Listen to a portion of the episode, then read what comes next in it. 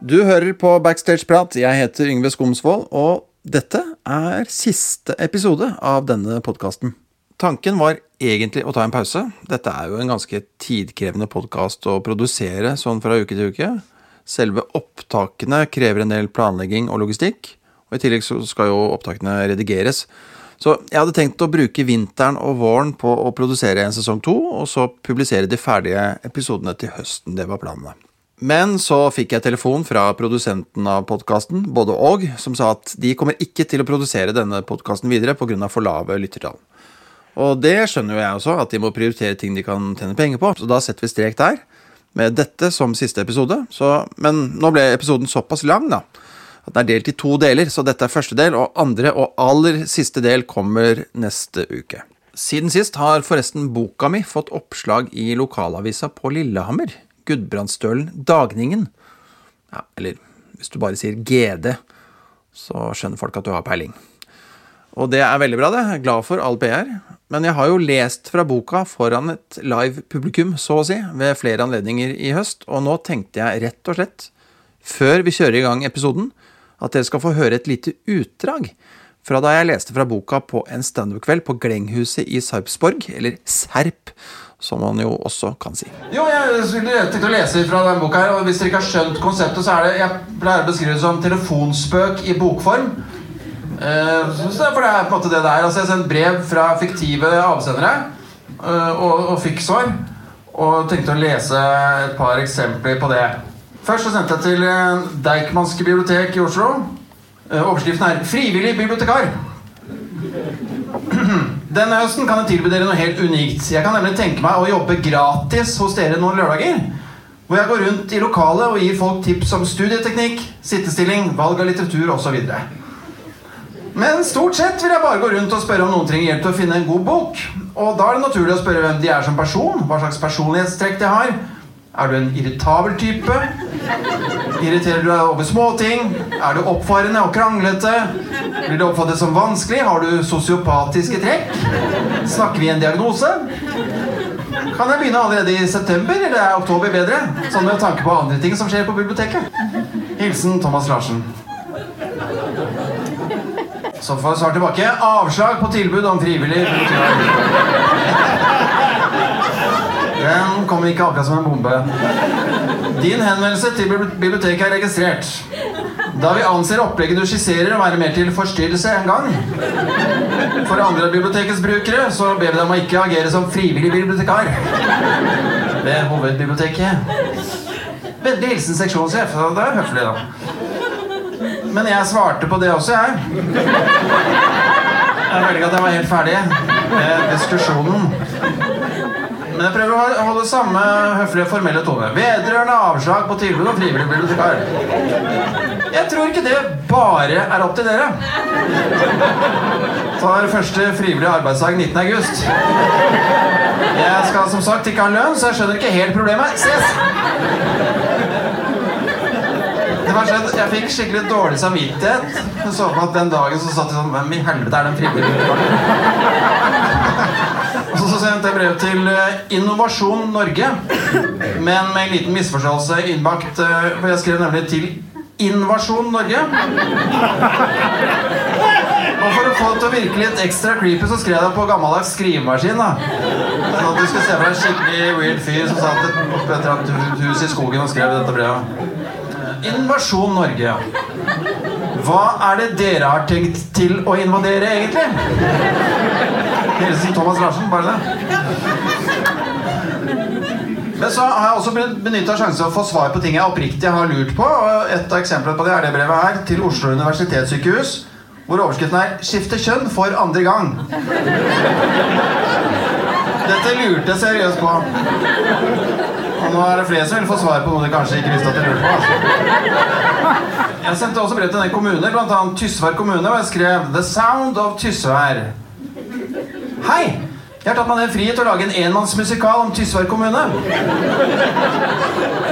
Musikalen skal etter planen kun settes opp i Tysvær kommune, da jeg tror at en musikal om Tysvær kommune ikke har noe særlig nedslagsfelt utenfor Tysvær kommune. Innholdsmessig har jeg diktet fritt ut fra hjemmesidene til Tysvær kommune. Her er noen av de foreløpige sangtitlene. Tysvær best i landet på skolekino. Wow. Referat fra møtet i foreldreutvalget. Og ikke minst, jeg ser for meg skal bli den store hiten fra musikalen. Ops! Dette nettstedet benytter informasjonskapsler og lignende teknologier. Dette fikk jeg ikke svar på, så jeg sendte et nytt brev. Angående spesialbeskrevet musikal om Tysvær kommune. Vet ikke om dere har mottatt tidligere brev. Se vedlegg om min nyskrevne enmannsmusikal om Tysvær kommune. Nå er musikalen ferdig, og jeg kommer og spiller en prøveforestilling i kantina på Rådhuset fredag 22. april klokken 12. Det tar kun to timer. Etter forestilling blir det en Q&A-runde der jeg spør dere om dere har fått med dere de viktigste poengene i forestillingen. Eller om det er noen steder i showet der jeg må jobbe litt mer med teksten. Da ses vi! Skal jeg sende sangtekster på forhånd så dere kan være med og synge? Det var i hvert fall um, et lite utdrag fra boka. Det er altså telefonspøk i brevform. Hvis du trenger en julegave, så gå i boka der og spør etter den. De har den kanskje ikke, men da bestiller de den inn. Altså. Så- Tusen takk for oppmerksomheten.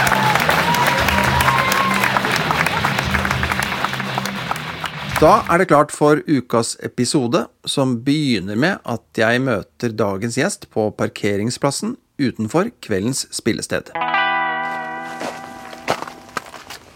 Halla. Hei. Hei. Her går båndet, vet du. Båndet går, ja. Halla. Halla. Hei, Ørjan. Ørjan Burøe, som du er kjent som. Takk for det, Yngve. Ja. Yngve backstage.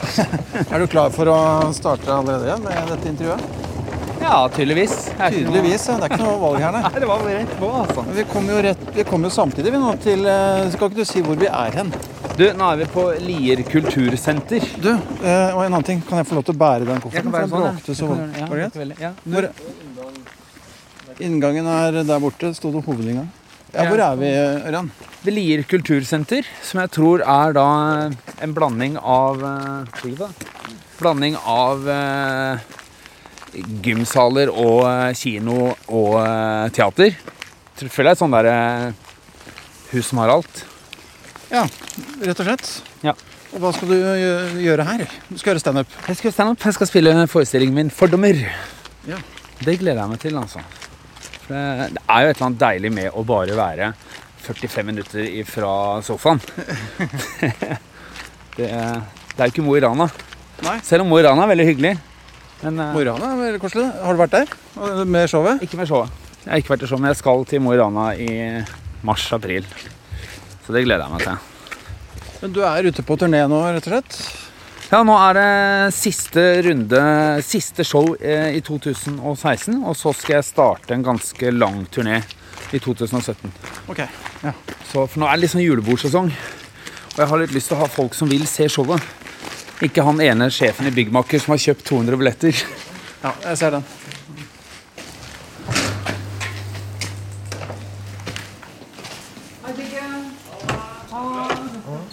Her, oppe vise dere. Men det er, eh, det er gull, det her. Hei, Yngve. Jørgen. Anna. Hyggelig. hyggelig. Hei sann. Erland. Jørgen. Har dere et ståbord? Eh, vi har i hvert fall hatt det, så jeg skal sikkert klare å kan prøve å få prøvd noe. Kan se på Det er ikke noe stress, altså. Det er Vi hadde noe. i hvert fall i starten jeg husker jeg. Ja, men jeg tenker vi kan bestemme reisen. Ja, det er sånn halvmeter ganger meter reiser. Hva syns du om scenen, da? Det er, det er jo eh, det, det er jo det er en veldig naken scene. For det er jo eh, Publikum sitter nedover på deg. Man må, sitte, må stå på gulvet. Ja, Stå på gulvet. Eh, og det er, gjør man kanskje én av ti jobber. Kanskje mindre. Én av 20. Vanligvis så står man jo og ser ned på folk. Du, Men- kan ikke du beskrive rommet som du ser det fra scenen her?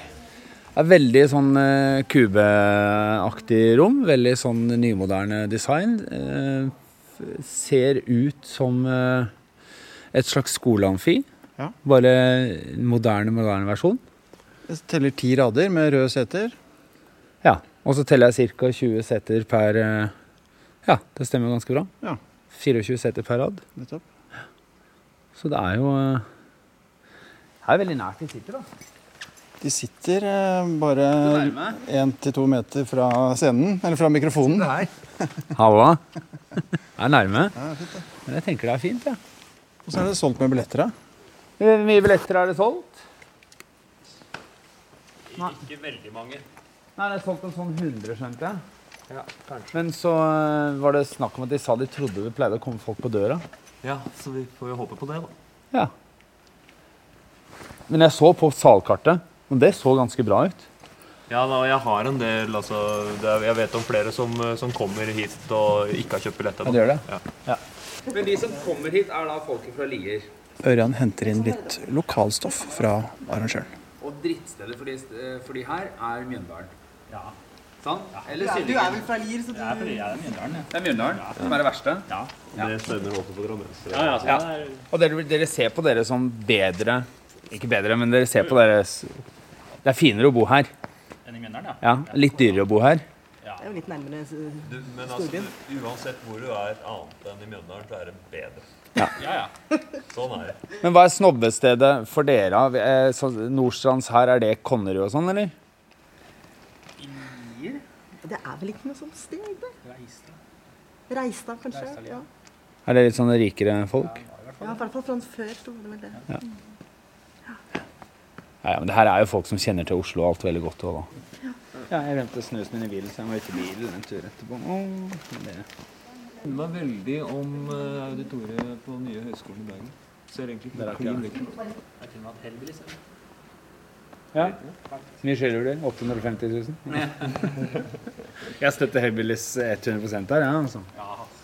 Det er eh, Hva skjedde? Nei, de eh, gjorde en jobb eh, hvor de skulle få 300 000 i bånd, tror jeg. Og så skulle de over billettsalget, og så var det egentlig sagt at det kun kan selges 1000 billetter. Så gikk jo den der arrangøren ut på Facebook og skrøt at de har solgt 3249 billetter. Og da banka jo Helvilles på døren og sa men da tror jeg vi skal ha litt mer penger. Det var det som er utgangspunktet. Og så prøvde de å gjøre forlik med dem på 200 000, og det sa de nei til. Og da sendte manageren til Hellbillies den store regningen. Og sa på 859 000.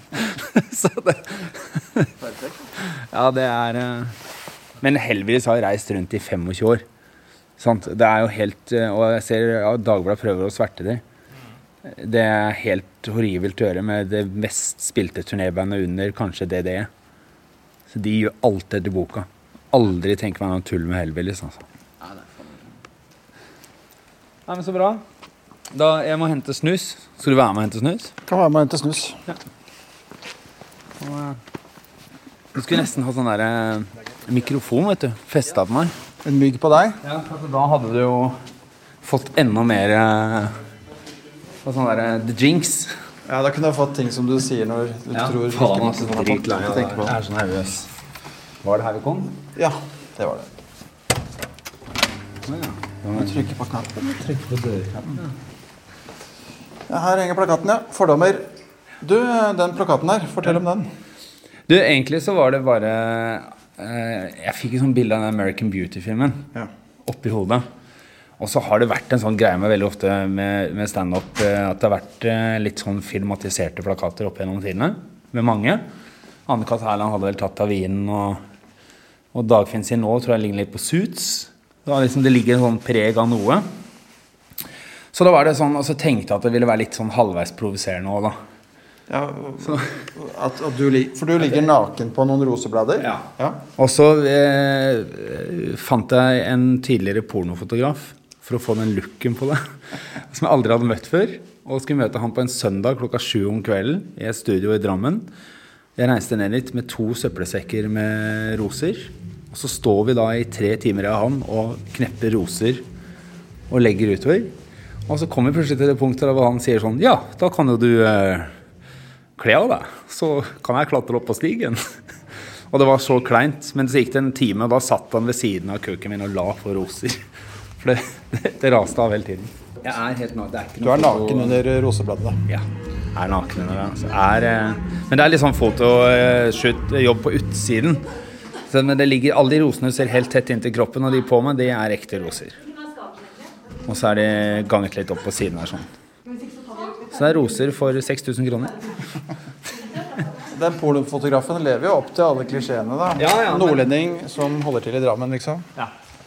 Og, eh, men det var det jeg ville ha, den looken. da For at jeg synes det er sånn der det, det er jo nok av jenter som har tatt uh, sånne bilder.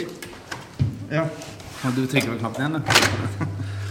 Men uh, Så jeg, var, jeg tenkte også lenge på sånn der hvor, jeg, du vet, eh, hvor du ligger på sandstranden, og så klatrer du litt oppover med bølgene bak deg. det, det også var litt tankene mine. Litt sånn Bo Derrick-look på det.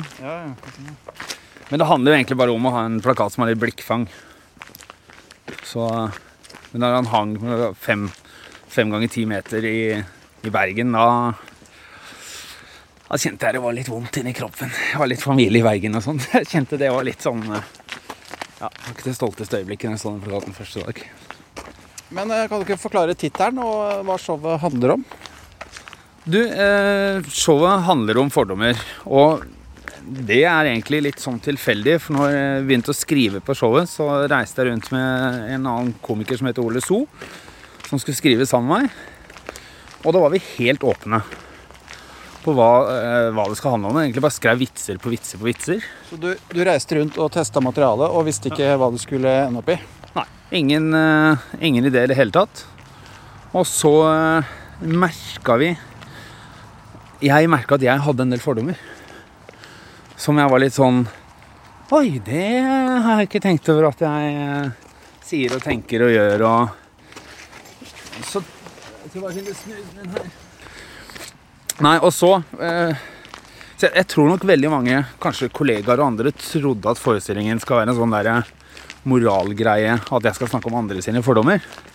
Men i utgangspunktet så tar jeg tak i mine egne fordommer. Eh, og så er det jo sånn at en del folk kjenner seg igjen i det selv, da.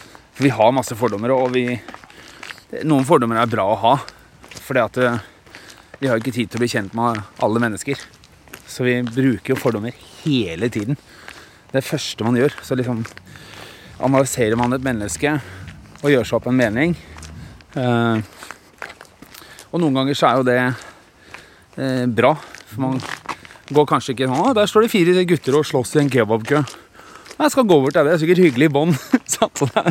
Noen ting stopper deg som er helt riktig. Men stort sett så er det jo veldig feil å, å bruke fordommer. For at eh, man går glipp av veldig mange fantastiske mennesker. Så Men ja, har fordommer mot alt. Vet du selv at hvis det står en sånn der en pitbull utenfor en Rimi-butikk, så går du liksom litt unna når du går inn i butikken. Men hvis det står en liten sånn fuglehund, så går du helt inntil og sier 'Hei, så fin du var', da. Små terrihunder er jo de som er eh, biter mest. Ja, det er sant. Så, så, men det er jo den der fordommen at du har lest et par ganger i aviser om sånn illsinte hunder. da. At du tilegner alle de den. Men det er klart, denne forestillingen handler ikke 100 om bare fordommer. Det handler om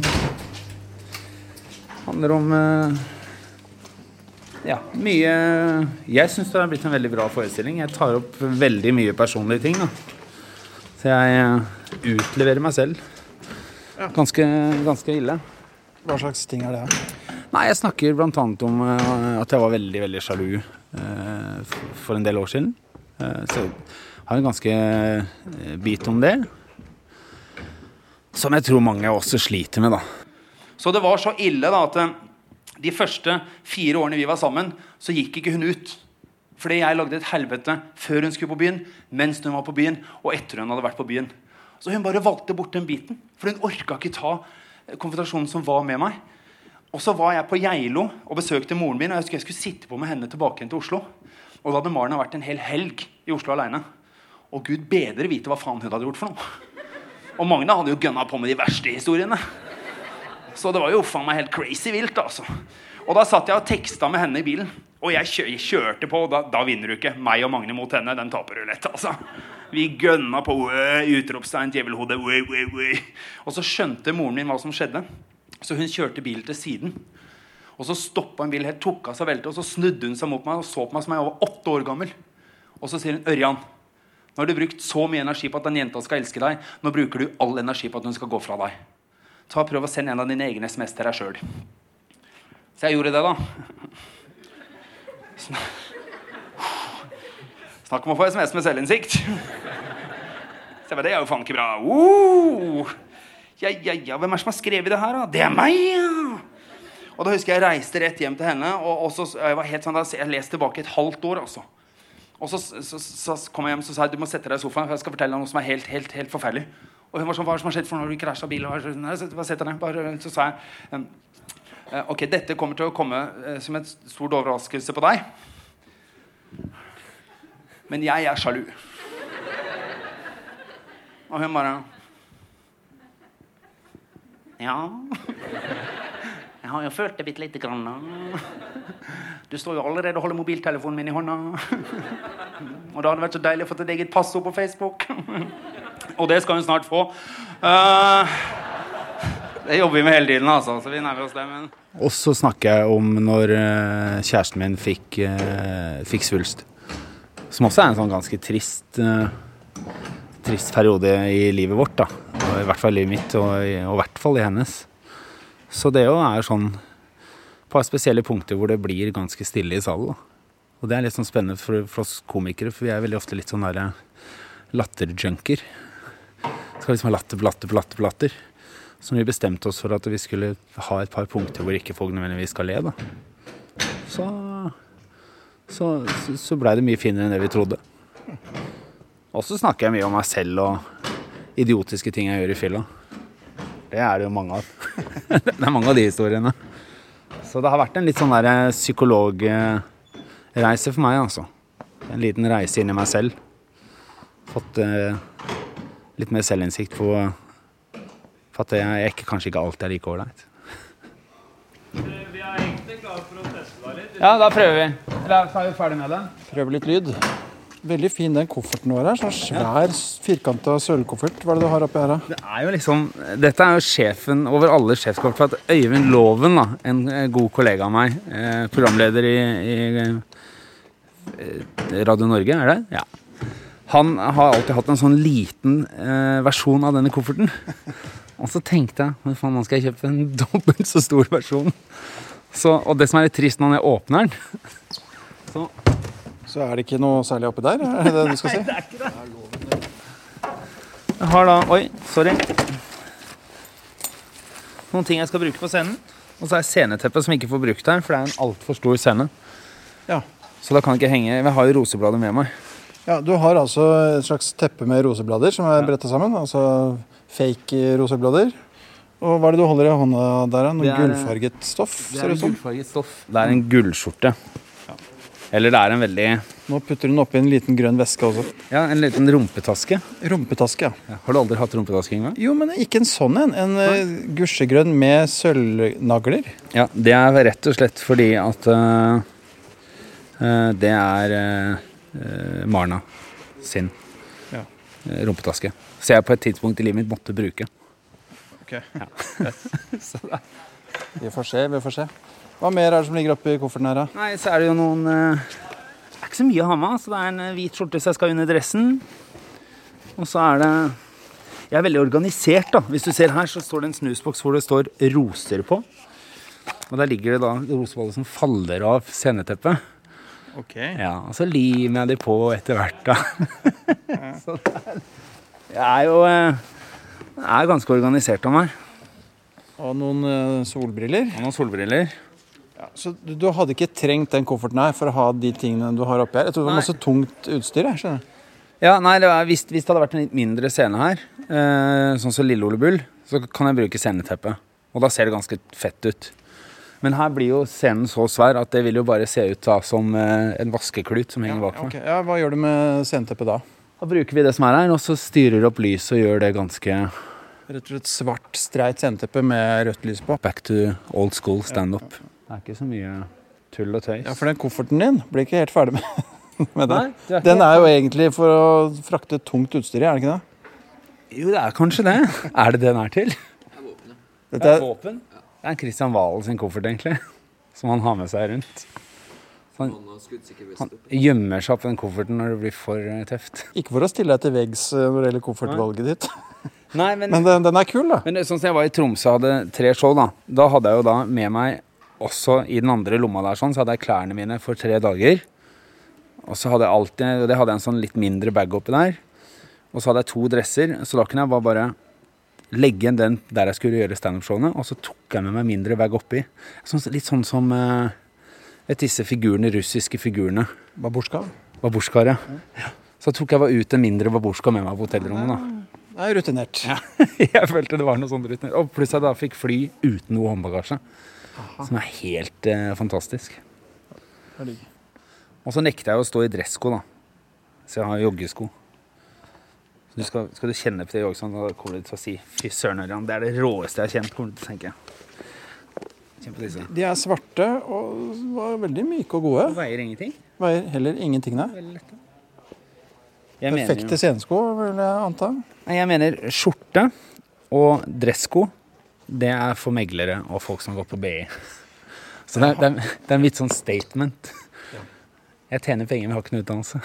Hva er det du hva er det du har på deg ellers eh, på scenen? da? Jeg har dress, Ja, det men jeg har. T-skjorte under. Ja, nettopp. Ja. Og så har jeg joggesko, som er liksom min måte å få være den Geilo-gutten, da. Jeg er ikke så veldig fan av dressko, så det bråker sånn når det går om. Klikk, klakk, klikk, klakk, klikk, klakk. så... hater å gå med sjøl. Ja, du gjør det? Ja. det er ikke noe... Du, det eneste jeg lurer på, Jørgen Er om jeg skulle hatt en fake monitor i front? Og da er det tid for en liten lydprøve. Prat litt til deg. Hei, da, da, da. Ja, sånn er det. 1, 2, 3, 4, 5, 6, 7, 8, 9, 10. Ja. Har du bare tatt opp de stolene som er solgt? Skal du for å ydmyke meg sånn? Det er veldig Nei da. Da er lydprøven unnagjort, og Ørjan tar en tur backstage. Ja, men Så koselig backstage, da. Et kjøkken med en rød sofa og en uh, skittentøyskur fra Ikea med noen druer og bananer og sånt på. Syns jeg du var veldig nedlatende. Det var en ren beskrivelse. Har du, et sånt, eh, har du en sånn skittenhetskurv? Har hatt det før, altså. Du har det? Ja, for det er, ok. Da er det en skittenhetskurv. Jeg er enig med deg. Fungerer også som et bord. Jeg har lært at druer skal man ikke spise. I det hele tatt. Det er som å spise sukkerbiter. Det er liksom det er det som går igjen hos alle sånne som trener mye. Men det er klart når vi ser hva de serverer ved siden av her, da. Liereple eplemost. Du skjønner at dette er en sukkerbombe herfra til helvete. Men den ser jo helt fantastisk Nei, det skulle jeg kanskje gjort, ja. Det er jo godt med sånn uh, kvalitetseplemost, da. Ja, det er det. Skal jo sies. Er det egg her òg? Jeg har det i raideren, vet du. Hva har du, i raideren? Egg? Jeg har ikke det. Det er et kjøleskap her med pålegg og diverse. Oi. Men uh, her sitter jo jaggu Erland fra Standup Norge også, gitt. Stemmer det? Ja. Fin fyr, han. er jo det. Du er med på jobb. Ja, man må det i ny og ne. Eller man må ikke, men det er jo viktig at vi får sett det som uh, rører seg rundt i Norges land. Og Lier er jo ikke akkurat verdens navle, så da er det viktig å være med som uh, support. Ja, men Du er med for å se åssen det går, eller har du noen uh, funksjon her?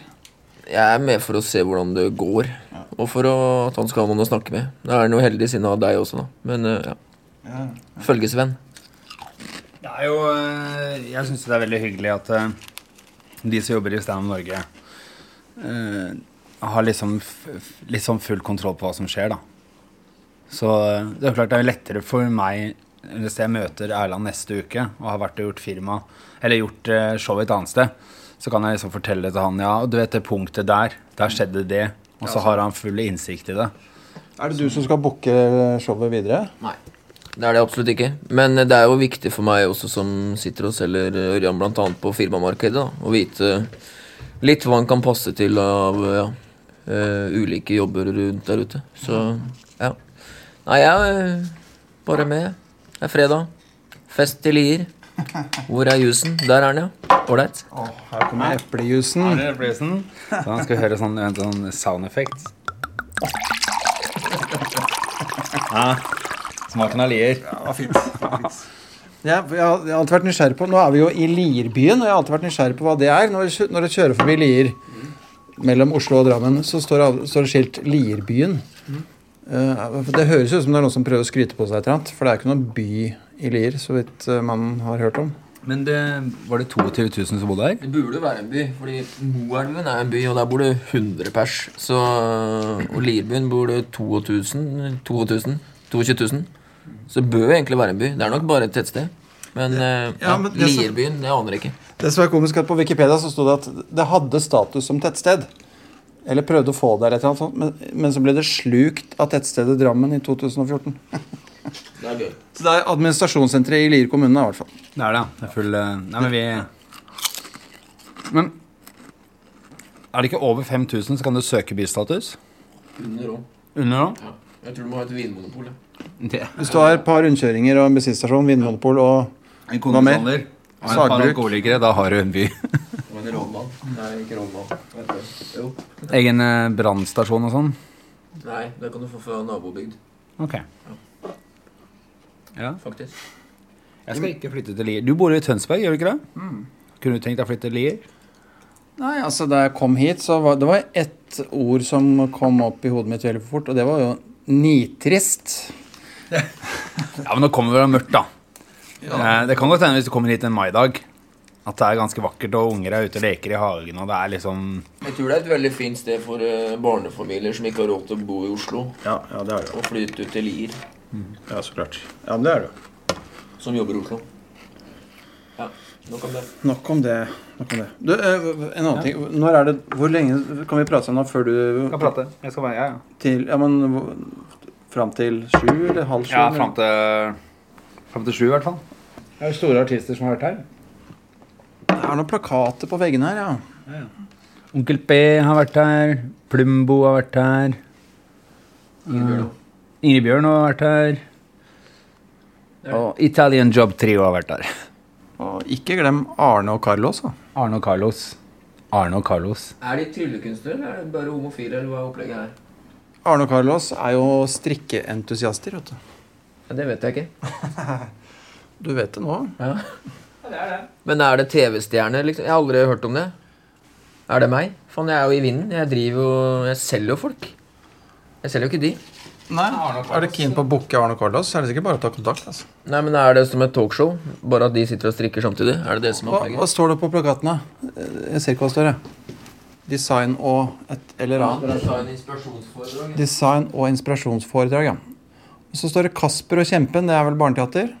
Håper det. Snø. Det er veldig enkel den tittelen til uh, Onkel P og de, da. Fuck ferie. Fuck ferie. det er liksom Det Faen, du, hvis vi skal jobbe i sommer og få folk til å komme, hva skal vi Nei, fuck ferie. Appellere til kidsa. Ja, det er litt sånn. Men uh, det at du bestemte deg for å sette opp show, hva var bakgrunnen for det? For du hadde jo holdt på ganske lenge før du gjorde det. Jeg holdt på Jeg begynte med standup i 97. Jeg lyver i den forestillingen her. Jeg sier jeg holdt på i 18 år. Ja. Fordi at jeg har lyst til å ha et eh, toårsjubileum om to år. Hvorfor vil du det? Nei, jeg tenkte da har jeg lyst til å lage en sånn der, samle sammen gamle tekster og se om jeg kan lage en sånn uh... Ja, så, når er 20-årsjubileet egentlig? Det er egentlig til neste år. Ja, Men Men da da skal- spiller du det her? Ja. så, jeg, så jeg har uh, jugd meg ned uh, med et par år. Så på scenen så sier jeg at jeg har gjort standup i 18 år. Mens i virkeligheten så er det 19 15. Ok, skjønner. Ja, det er liksom Jeg vet det er kanskje litt bare oppi mitt hode. Antag antageligvis, ja. jeg skjønner det, altså. Men uh... Men du skal ha jubileum etterpå? Altså det blir 21 år istedenfor 20? Er det det du sier? Ja, det blir jo det, men det Nå er Stand Up Norge på ballen her. Veldig, veldig Nei, våkent. men altså, Da er det jo greit. Folk utsetter bursdagen sin. Altså, Det er ingen som feirer at de blir 40 når de er 39,5. Men ja, er folk feirer at de blir 40. Ja. ja, ja, men det Selv kan du jo gjøre når det er uh, post, men du kan ikke gjøre det når det er pre. Nei, men det blir jo tre. Ja, du skulle, Skal vi spille hele det her til neste år? Ja, ja, Ja. ja. Så jubileet blir jo etter. altså. 21 års, Ja, egentlig. Det blir etter. ja, det er post. Det er det jeg mener. Det er post. Ja. Ja, ok. Det er. Som i et. Det er jo Erland som bestemmer dette her uansett. Så jeg skjønner ikke hvorfor jeg bryr meg. Tydeligvis ikke, altså. Nei, eh, Ja, så men du, du begynte med standup. eh, Tilbake til det. Vi kan ikke bare begynne med å starte der òg. Altså, hva var bakgrunnen for det? Du, Bakgrunnen var egentlig at jeg, jeg flytta fra Geilo til Oslo i 96. Hvor gammel var du da? Da var jeg 21 eller 22 år. Ja. Og så Hvorfor flytta du fra Geilo? Det var rett og slett eh, jeg og kjæresten min Line, som for øvrig du også husker i gamle dager. Jeg husker henne. Ja. vi fant ut at vi ville Hun er fra Sandefjord. Vi fant ut at vi ville flytte til Oslo og prøve lykken der. Eh, jeg fikk jobb på, på Aker Brygge på Druen. Eh, gikk rundt med sånne søknader, sånn som svenskene gjør i dag. Med en sekk med, med CV. Og hun fikk jobb eh, eh, på en annen bar. Eh, Bjørungs. Og så var det et sted som het Danturell oppe i gaten. eh, som hadde standup på torsdager. Og da snakker vi eh, Bogstadveien. Hegdehaugsveien. Ja, Hegdehaugsveien, ja. Og så var det Christian Kort uh, nede i sentrum, som var liksom eh, det litt bedre eh, rutinerte komikerne. Og vi gikk på standup hver torsdag eh, og tirsdag og, og så på standup. Uh, helt oppsugd i det greiene der sånn. Og ironisk nok så husker jeg det var en, en eh, nordnorsk komiker som het Trude Mette Johansen. Hun var veldig ofte konferansier på Kristian Kvart, og en gang så loddet hun ut eh, eh, De hadde sånn loddebok da, når du kom inn. Så vant jeg, og måtte opp på scenen. Og da vant jeg eh, gratis inngang eh, i ett år. Og da svarte jeg henne på scenen at det, det trenger jeg ikke få, for jeg kommer til å stå på den scenen her snart uansett. Ganske Ørjan eh, Det er klassisk kommentar, da. Ja, det er veldig Ørjan-kommentar. Hva tenker du, Stad Norge-representant? Jeg syns det var helt riktig av han å melde det. Riktig av deg å si det også. Men så måtte jeg gå den tunge skolen. da. Jeg måtte gå øh, prøve meg for Jonny K på, øh, på Dan Turell. Og da skulle jeg få lov å stå på scenen i fem minutter og prøve. Gikk opp, gjorde 25 minutter. Det er jo sånn som ikke er lov, egentlig. Men også klassisk, ja, som Erland sier. Aldri sett så mye veiving med, med armer og bein til Jonny som jeg gjorde da. Men det var mye veiving. Eh, og gikk av scenen og eh, var jo egentlig glad. Følte jo det hadde gått sånn eh, lite selvinnsikt, da. Fikk dere Kinderegg veggimellom? Ja, det er ganske nei, crazy backstage-liv her. Altså. Her skjer det ting, altså. Her roter vi. Vi roter litt. Du, du mista Kinderegget, for du vil gjerne bygge det du, nå mens vi sitter og prater. Vi, vi må finne det Kinderegget. Altså. Ja, det er sånn som spruter vann. Er det det? Det, det er en uh, sel som spruter vann, eller en hval, eller Det er sprutegåen. Ikke la meg avbryte. Beklager. Fyll på vann på den hvalen her, så kan du holde på med den uh, og leke deg. Kos deg litt. Nei, og, men så, av alle ting, så kommer da eh, allerede legende Dagfinn Lyngbø bort til meg. Eh, som jeg aldri har møtt før, men så sett mange ganger på Christian Kvart. Etter den første, første opptreden. Og det var en sånn eh, lang, smal gang bak baren eh, på Danturell. Det var ganske sånn trangt, lang Som var backstagen. Ja, som var liksom det? ja, eh, Veldig trangt, altså. Måtte, måtte stå inntil veggen hvis andre gikk forbi. Og der kommer da høye Dagfinn, som for meg den gangen føltes som han var to, to meter og ti. Det har jeg skjønt at han ikke er. Eh, Men han bare Jeg likte greiene veldig godt, og jeg syns det var eh, Hva du heter igjen? eh, Ja, Ørjan, ja, det er hyggelig. eh. Kanskje vi skulle tatt en kaffe og diskutert litt tekster. Og, eh, og så endte det opp med at jeg tok en kaffe med han. og gikk gjennom tekster, så sa han Har du lyst til å reise rundt og varme opp? eh, reise på en sånn turné i hele, hele Norge. og så reiste jeg med Dagfinn eh, på fem, mellom 15 og 20 jobber og varma opp. eh, uten at noen visste det. Ikke, ikke Baste, ikke Øyvind. Ingen fikk vite det. Ingen av standup-kollegene. Nei, Til og med ikke Lina tror jeg fikk vite det da. Det her var jo så sped start.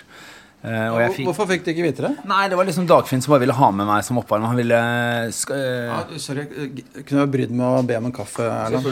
Du skal få kaffe? Herregud. Kaffe til reporteren! Her er bare for å få gratis kaffe. Ja. Du, pappbeger er fint, det. Hvis jeg kjører min bil, er jeg vant til papp. Nei, og så reiste jeg rundt med han, og så gikk Dagfinn til Elina og sa Jeg har en som skal stå ti minutter eh, på Christian Kvart i dag. Eh, Etter denne turneen. Ja. Elina, ja, hvem da? Jeg må jo sjekke han ut først. Og har han stått på, eh, på Oppe på Har han stått på det der hva, hva heter det stedet, Jonny? Har han stått på det stedet der oppe? Sant? Det var jo Elina klassisk. Og... Nei, han har stått én gang. Én gang? Du kan ikke stå her hvis han har stått én gang, Dagfinn. Det vet du, det går ikke. Og så sa jeg, men stå på meg, jeg kan det her.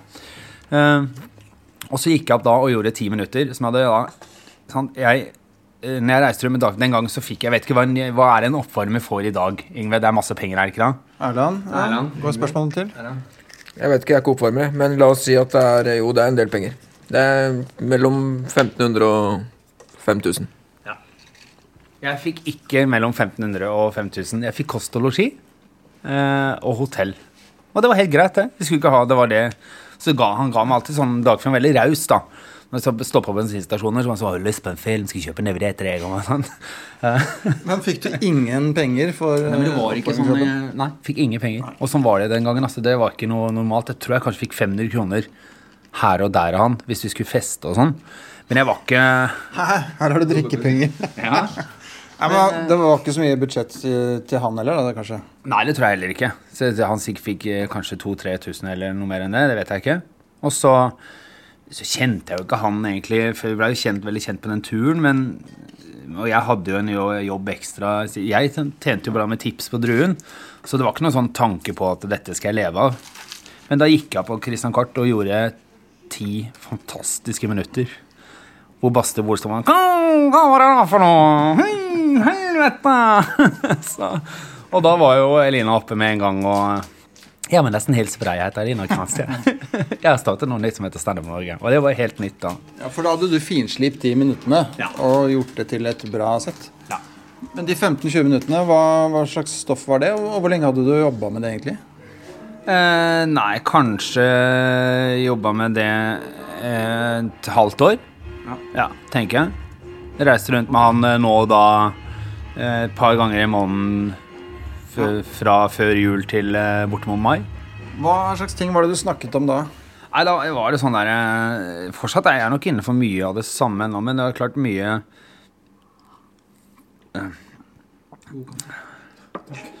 Jeg hadde jo en Jeg husker en skikkelig dårlig tekst jeg hadde. Jeg blir flau når jeg tenker på det i dag, da. Men jeg skal ha kjørsjubileum, da skal jeg dra opp inn de tekstene. Det er det som er tanken. At jeg tenkte Da skal jeg liksom kjøre poker. Men jeg husker jeg hadde en tekst eh, uh, Du sitter jeg, jeg føler jeg blir litt sånn når jeg skal være meg sjøl. Jeg gleder meg. merker jeg. Han sitter med dama og spiser pizza, ikke sant? og så er det ett stykke igjen av pizzaen. da Den husker jeg. Ser du det? Så snur jeg Kan imot du den, Erland? Nei, jeg, hus- jeg husker det ikke. Du er ikke gammel nok i gamet. Nei, ikke sant? Så snur jeg imot mot Line, da, som dama heter. da Så sier jeg 'skal du ha det siste stykket'? Og så sier hun ah, 'for det får jeg plass til, for jeg er så tjukk, jeg får plass til alt', jeg. Og så sier jeg 'ok, jeg skal ta det stykket', ja. Så, å ja, så jeg skal slanke meg nå? som var uh, vitsen, da. Ja, ja, ja. Eh, og det, er, det jeg tenker litt på nå i ettertid, at det har skjedd veldig mye i samfunnet på disse 20, år, 20 årene nå. At ting som man sto som komiker og sa før, som man rett og slett ikke kan si i dag. Enten fordi det er eh, kjønnsdiskriminerende, mannssjåvinistisk, eh, eh, rasistisk eh, Det er mange ting som har utviklet seg eh, egentlig til det mye bedre. da. Men jeg tenker på det når jeg ser gjennom en del av de gamle tingene, så kunne man ikke sagt i dag, rett og slett. Altså. For det samfunnet har flytta seg eh, og blitt bedre, da.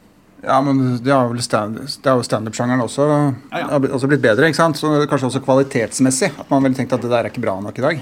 Ja, Publikum har blitt bedre. Eh, og så er det jo internett nå som eh, gjør at eh, nå er eh, den eh, Ja, publikum er eh, sett mye standup, da. De fleste har i hvert fall sett et par Apollo, Lauvet Apollo. Noen har til og med sett et klipp som en kompis har lagt ut på YouTube. Så folk har litt mer mellom ørene nå når de setter seg i salen, og forventer da litt mer kvalitet. da. Men når kunne du begynne å leve av standupene? Nei, det var jo det som var klin gærne. Jeg gutsa jo i 2000. Da sa jeg til Elina at du, Elina, jeg tror jeg slutter på, eh, slutter på vanlig jobben min. Nei, det syns jeg ikke du skal gjøre, Ørjan. jo, men jeg tenker for nå er det Ja, nei, jeg vet ikke helt, jeg. Og, og eh, så gjorde jeg det. Slutta da i, i 2000. Så i utgangspunktet så har jeg levd av standup i 17 år. Men jeg vil ikke si at jeg har levd gode dager i 17 år, altså. Det, jeg har snudd på krona og gjort som alle andre. Og, så det, det har ikke vært den enkleste veien, det. Men det var et eller annet med at det, det var så viktig for meg å være Jeg liksom følte meg så at jeg følte at jeg ville være komiker. nå. Og så følte jeg at hvis du gjør noe annet ved siden av, så var du ikke helt komiker. Og den tviholder jeg på litt en dag i dag også. Nå har det roa seg litt ned, men det var en sånn periode for, for en eh, seks-sju år siden hvor veldig mange eh, med en gang de gjorde én jobb på Josefine eller eh, et eller annet annet sted, så bytta de ut Facebook-greiene med komiker. Og så tenker jeg sånn Nei, du er jo BI-student, er du ikke det? Egentlig. Sånn? For jeg mener at hvis du lever av det, så kan du titulere deg med det, da. Men det vil liksom være Det gjelder alle yrker, tenker jeg, altså. Du må liksom leve av det. Så deg, doktor Bergland, du må bestemme deg. Skal du være lege eller komiker? Nei da.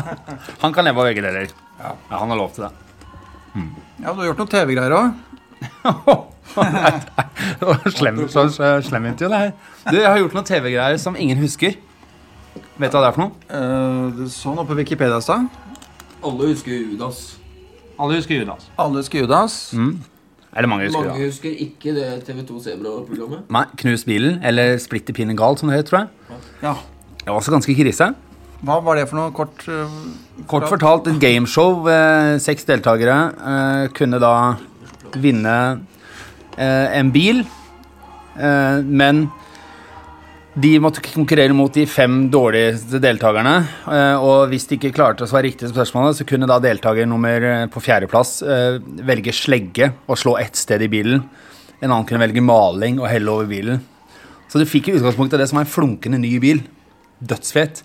Men så sto de fire andre deltakerne og herpa bilen før du fikk var sånn, Hvis du ikke svarte riktig eller noe sånt på noen spørsmål, så ble den bilen degradert, rett og slett. Ja. Det var det, de andre, ja, og det var de andre deltakerne som gjorde. Så det var jo eh, egentlig sånn eh, Det er veldig ilandsprogram. Tenkte jeg, så du sitter i sånn der litt ditt fattigere land og ser på det TV-programmet Yes, they're breaking a car! Men det ikke mange husker, Yngve Skomsvold, det er det at jeg gjorde et TV-program som har gått så under radaren. For jeg gjorde klippshow, jeg, sammen med Terje Sporsem. Vi gjorde sånn Funniest American Home Videos. Ja, fader. Hva var det det het igjen? Eh, helt komisk. Het ikke det? Det var en helt komisk tittel òg, det. ja. det vi eh, spilte inn fire dager i, i København.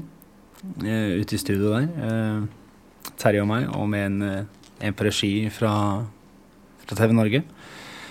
Men det var jo åpningen. Vi gjorde det klippshowet. Det var det første vi gjorde i TV Norge.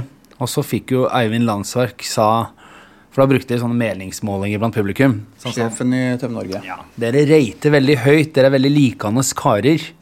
Så hvis dere har lyst til å gjøre noe annet, gutter, så, så kom inn til meg. Så kom hjem til meg, var det han sa? Kom hjem til meg, sa han. Nei, kom inn til meg. Ja, kom hjem. hjem. Nei, inn på kontoret hans. Da hadde de kontor nede på eh, Oslo City. Og så eh, Så kom vi på ideen Judas, da. Og det blei jo eh, en knallsuksess. Inspirert av Jackass. Ja, jeg er veldig inspirert av Jackass, men vi ville lage den litt mer humoristisk. Jackass gikk jo med på å eh, skade seg selv, Eh, mens Judas gikk jo med på å være litt sånn frekk, da. Mm. skruppelløs. Men Judas gikk jo knallbra, og, og da fikk vi ventelønn av TV Norge. Jeg, jeg, jeg tror, hvis jeg husker rett, at vi fikk 25 000 hver i måneden i et halvt år. Og de sendte oss på tur til New York. Kreativ tur. Meg og Terje alene til New York. Altså skrive- og researchtur? Liksom. Vi var jo bobfylla. vi, var, vi, var, vi var så letterman, tror jeg. Det var vel det vi gjorde, av research. Eh, men da kom vi tilbake, eh, og måtte jo ha noe å gjøre. Eh, så da eh, begynte vi å jobbe i eh, Monster, som holdt ute på Jar i den tiden. Og, og det her var akkurat i Mac. eh, Når Mac Skjønner hvor lenge siden det er? Når Mac begynte å komme. Første dagen jeg og Terje satt på kontor, så satt vi der fra ni om morgenen til klokken var tre på dagen. Og vet du hva vi lette etter? Vi lette etter alfakrøll. Tasten. Så vi turte ikke spørre noen. For det var egen tast på Mac, vet du. Ja, ja. Men uh, vi prøvde jo eh, Del Alt 2 og, og fikk jo ikke opp noe alfakrøll, så vi fikk aldri sendt noe mail. Men da kom vi på ideen med The Man Show, som jeg og Terje egentlig skulle lage. Uh, lagde manus og idé og, og hele greiene. Uh, men så blei det forkastet, heldigvis. Og så gjorde vel Vidar Hodnum kom det noen år etterpå.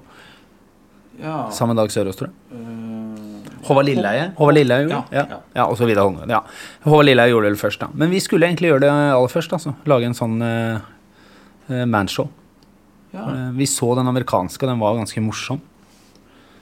Men, uh, men det gikk heldigvis ut, og det, jeg tror jeg skal være veldig glad for i dag, altså. Ja. Så det, det er litt skjebne, tenker jeg. Men hva syns du om å være på TV? Hvordan var det å gjøre Judas?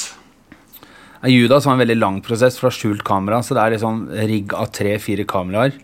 Eh, Venter på at én situasjon skal eh, klaffe, og så skal det mennesket reagere sånn som man egentlig har ønsket at det skal reagere. Og så er det plutselig ikke lyd, og det ene kameraet er skeivt stilt. Så vi brukte vel elleve måneder på å spille en hel Judas. Sånn, ja, med alt i alt, altså. Det tar så lang tid å lage 30 sekunder eh, skjult kamera. Så det var veldig slitsomt, men uh, jeg og Terje var singelen til tid, begge to. Så vi hadde det veldig gøy òg. Det var eh, ja, vi, Ja, hva, tenk, hva tenker du på da? Nei, jeg tenker på jeg og Terje. Vi prater om det av og til nå når vi møtes da, og liksom har blitt uh, familiefedre og opptatt av å ha en form for ryddig økonomi, i hvert fall, og at det, ting skal være stabilt. da. For det var jo helt galskap. da. Som Terje sier, herregud, klar over hva vi kasta rett ut av vinduerdøren. Vi gikk i baren og kjøpte en kasse med Carlsberg. Det var vår greie. Og så fikk vi bartenderen til å jekke opp alle sammen, og så sto vi og delte ut Carlsberg. Helt bajaser. Men, men ble- ble dere litt eh, småkjendiser? Ja, akkurat under den lille Judas-tiden så blei vi, tror jeg det. Uh, I hvert fall innenfor den uh, gutteklubb uh, Gutt mellom eh, 15 og 25-30. Det var sånn Judas på mandager. Å, du på Judas. Og de kommer bort en dag i dag. Faen, jeg husker, jeg har fortsatt DVD-ene hjemme. Så det, vi solgte jo sinnssykt mange DVD-er òg. Og populære blant uh, jentene, formoder jeg. Nei, egentlig så var vi da, akkurat da var det mest gutta, altså. For det var, Judas var så veldig sånn direkte guttehumor, altså. Nesten litt sånn uh, bæsj, tiss og promp. Men, eh, men frister å gjøre mer TV? Har du prøvd å komme opp med noen andre ting? Har du lyst til å gjøre mer? Nei, jeg har ikke noe tro på lineær-TV. Nei, men Det Ja. Det trenger ikke å være det, men det kan Ja. ikke være strømming Nei. eller Eh, nei, egentlig så har jeg ikke lyst til å gjøre noe, eh, gjøre noe TV. I utgangspunktet. Men eh, det er litt sånn derre TV er veldig ofte tre måneder eh, beinhard jobbing sammen med tekstforfattere og idéskapere. Og så er det tre måneder med innspilling, og så er det tre måneder med resultat. Så det er liksom et sånt svangerskap. eh, en sånn TV-greie. Eh, så jeg jeg, syns jeg har vært, fått vært med på en del sånne kule reality som jeg syns er gøy. Jeg har vært med på eh, Masterchef, hvor jeg var i Danmark i, i to uker. Eh, og så er mange som kan si at ja, det er å selge seg ut, men for meg så har det vært en opplevelse, og jeg er så heldig i min jobb at jeg får lov å være med på sånne ting. Får møte mange rare offentlige mennesker da, i en helt annen setting. Så jeg har hatt det veldig gøy. Og vært med på Fangene på fortet, som jeg satt som tiåring og så på. Og plutselig så står jeg der nede med de to kortvokste og han derre Balal-fyren eh, med gongongen. Men eh, nei, jeg har ikke noe eh, dype ønsker om å gjøre TV. Det vil ikke si at jeg hadde sagt nei til Skal vi danse, men jeg tror nok ikke jeg bestemt hadde sagt ja heller. For jeg ser jo eksponeringsmuligheten i, i TV og hvor mye det gir og sånn. Vi venter til de er ferdige å prate der borte. Det går fint, det. Ja. Eh, Så jeg har ikke noe sånn synlig behov eh, for å være på TV. Jeg syns det er mye gøyere med live publikum. Og det er jo komikere jeg er. Få også med deg del to av denne episoden, som ikke bare er siste del av episoden med Ørjan Bure, men som også er aller siste episode av Backstage-prat.